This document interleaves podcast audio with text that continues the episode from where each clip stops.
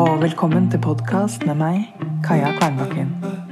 I dag med et fredagsbrev om å stjele tid.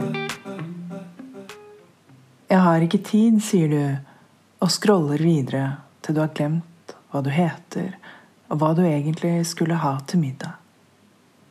Jeg har ikke tid, sier du, men har du egentlig tid til å ikke velge deg selv igjen og igjen og igjen?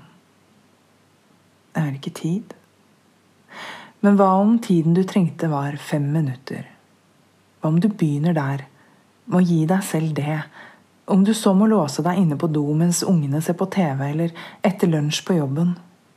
Hva rekker du å skrive? Tegne? Være? Hvis du gir deg selv fem minutter? Hvis du er en som møter opp for deg selv i de minuttene? Jeg ønsker deg all mulig tid i verden til å leve ut drømmen din. Jeg ønsker meg det samme, men ikke la mangelen på all mulig tid stoppe deg fra å stjele til deg bare litt tid. Du kan utrette vidunder med fem minutter, spesielt hvis du gjør det hver dag.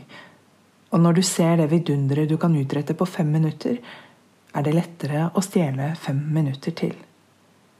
Du må ikke begynne med en time eller to hver dag eller en uke i strekk.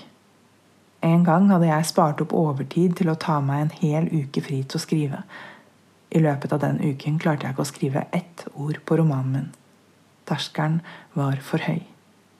Ikke sett høyere hindre i veien for deg enn det som trenger å være der.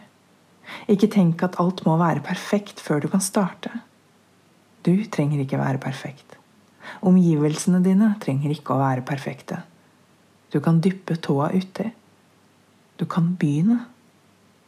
Du får lov. Stor klem. Din Kaja.